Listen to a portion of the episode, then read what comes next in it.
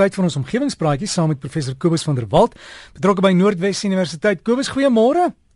Môre Dirk, môre al ons omgewingsvriende.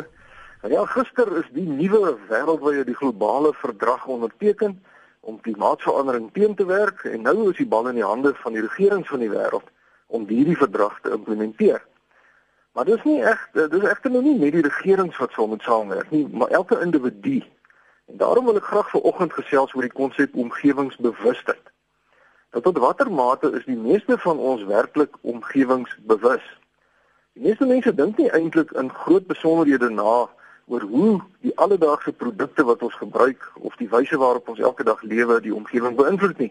Ons koop kos, maak dit gaar, klim in ons karre en ry werk toe en terug koop klere en gaan fliek of ons gaan eet uit by 'n restaurant as, as ons dit kan bekostig. En kan jy ons deel aan sport of ons kyk sport op TV en braai vleisie. As mens nou 'n bietjie dieper nadink oor ons verhouding met die omgewing, dink ek dit is goed om te begin by die afval wat elkeen van ons op 'n direkte of indirekte wyse produseer. Nou direkte afval is maklik om te sien want dis goed soos die melkbottels en die plastiek sakkies en die papier in ons huise. Met ander woorde, die goed wat ons kan hergebruik of hersirkuleer of dan uh, in die in die asdrom gooi. Maar hierdie afval is net die punt van die ysberg, want die groot vlieg in die self is indirekte afval.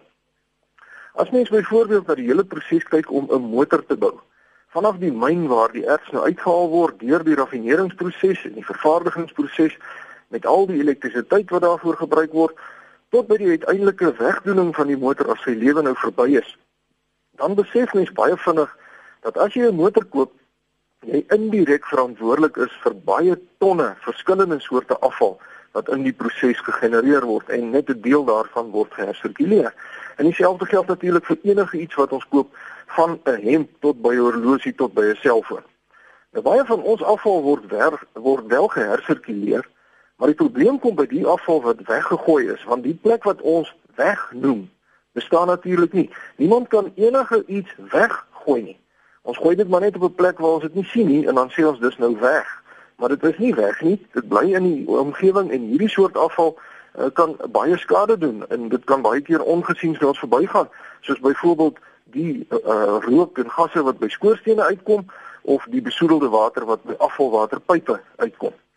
Ons dink die rook is weg as dit by die skoorsteen uit is en dit is nou weggewaai, maar dit is nie weg nie. Die groot probleem van sulke besoedelingagente in die omgewing is dat dit mettertyd die gratis dienste wat die omgewing vir ons lewer onder druk kan plaas of selfs kan oorlaai. Plante gee vir ons skoon lug, maar as ons te veel gasse in die lug inblaas, dan kan die plante nie meer voortbly nie en dan lyk die lug soos dit soms in China lyk.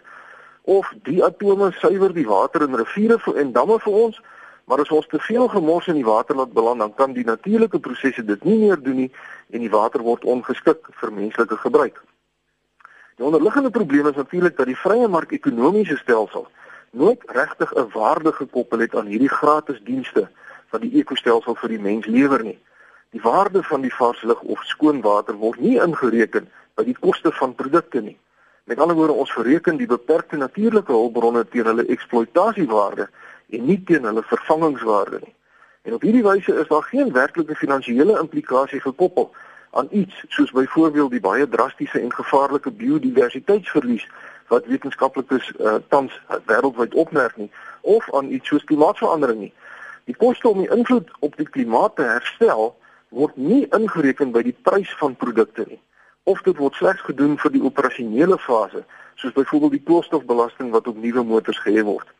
Hierdie belasting het slegs betrekking op die tydperk wat die motor gebruik word. Maar die omgewingsimplikasies van die vervaardiging en die wegdoening van die motor word gewoonlik dan nou nie by hierdie belasting ingereken nie.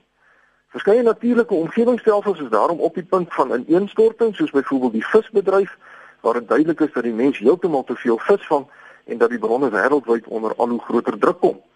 Maar steeds word die mens eksponensieel meer en almal wil hê die ekonomie moet aanhou groei wêreldwyd om vir al hierdie mense werk te kan gee en produkte te kan vervaardig en dis meer. Nou die resultaat van dit alles is dat die mens lankal nie meer besig is om binne die grense van die omgewing te lewe nie, maar dat ons die omgewingsstelsels vernietig. Met ander woorde ons oorskry nie net die dienste wat die omgewing aan ons lewer nie, maar ons vernietig die stelsel wat hierdie dienste tot nou toe gratis aan ons gelewer het. Gevolglik moet ons nou duur tegnologiese hulpmiddels aanwend om die natuur te help, soos byvoorbeeld watersuiweringsaanlegte en dis meer. Dis 'n selfvernietigende kringloop. Want as ons in die eerste plek nie die water besoedel nie, sal dit nie nodig wees om dit te suiwer nie. Maar die ekonomie tot dusver het meestal nie hierdie eenvoudige waarheid ingesien nie en nou sit ons met vuil lug en besoedelde water en krimpende voedselbronne.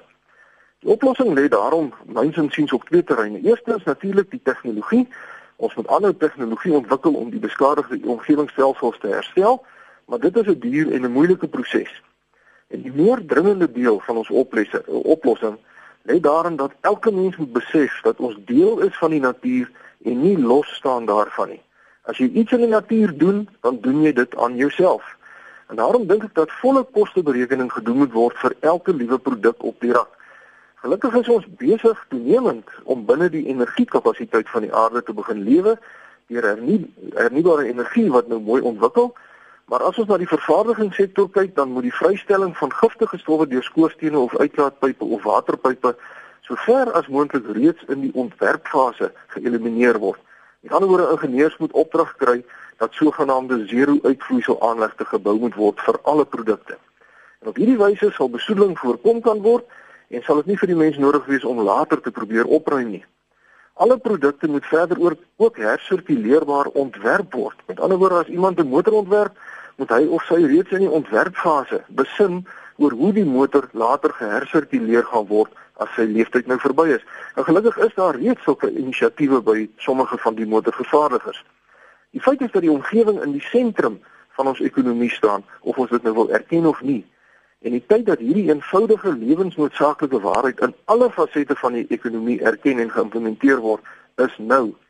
Daar is reeds ver gevorder met hierdie denke uh, deur middel van konsepte soos lewensiklus assessering of lewensiklus kosteberekening, maar ek dink daar is nog ruimte vir verbetering. Omgewingsvriende ek sluit af. As ons volhoubaar op aarde wil voortbestaan, is 'n denkskuif nodig by elke individu oor die wyse waarop ons ekonomie werk. Die verstekposisie behoort te wees dat geen vervaardigingsproses toegelaat behoort te word om enige deel van die omgewing te besoedel of te beskadig nie en as dit wel gebeur, hoor die koste om die omgewing weer te herstel ingereken te word by die prys van die produk. Op bykans elke nuusuitsending uh, hoor ons hoe die ekonomie presteer met al die indekse en die oliepryse en die wisselkoerse, maar nie een van hierdie ekonomiese aanwysers beteken enige iets as ons byvoorbeeld nie water in ons krane het nie.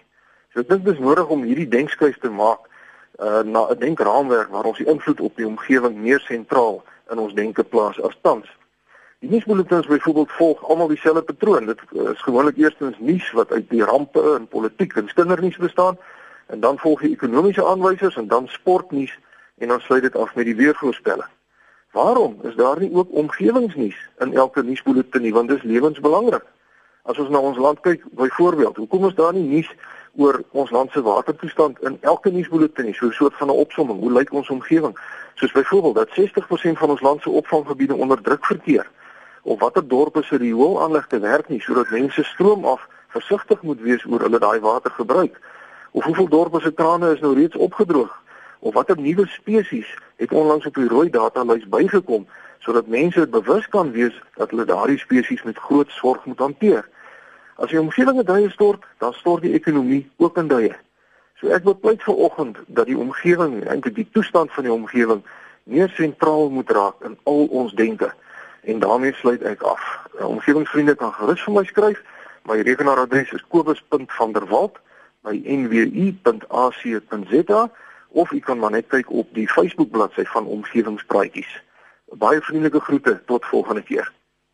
Kobus alles van die beste en lekker naweek vir jou en is jy reg vir die komende winter? Weet ek ja, nee, maar die winter as mens nou kyk na die na die voorspellings van die klimaatsouens dan lyk dit of ons net die winter gaan hê nie. So ons ek is reg vir die winter as dit net reën man, as ons net water kan kry.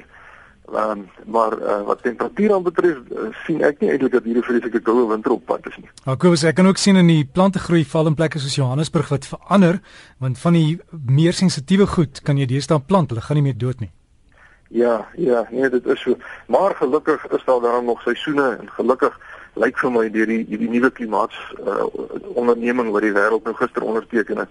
Ehm uh, jong, jong, ek hoop tog die goed werk want uh, jy weet ons wil almal tog graag vir ons nageslag 'n uh, oordentlike aarde nalaat. Altyd optimisties is professor Kobus van der Walt van Noordwes Universiteit en die beste is om te gaan kyk op die Facebook groep. Kobus plaas baie keer inligting daar en jy kan ook daar deelneem. Is omgewingspraatjies die meervoud. Gaan soek hom net op Facebook as 'n vriend omgewingspraatjies en sluit aan by die groep en sien daar. Anders e-pos Kobus met 'n K, Kobus.vanderwalt aan mekaar, Kobus.vanderwalt by nwu.ac.za